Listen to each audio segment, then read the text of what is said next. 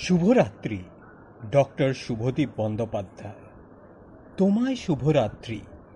মধ্যরাত্রির অন্ধকারে, যেখানে আমরা জীবনের শুরু বা শেষ প্রান্তে দাঁড়িয়ে আলোক শিখার শিশুরা তারা হয়ে উজ্জ্বল, স্বপ্নময় বিশ্ব হাতছানি দিয়ে ডাকে, আমাদের উচ্ছ্বাসা প্রেমের বার্তা নিয়ে আসে, যা সুন্দর, অমর ও শাশ্বত।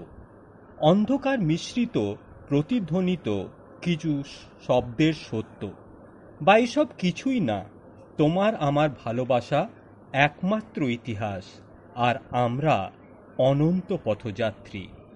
তোমায় শুভরাত্রি। নমস্কার।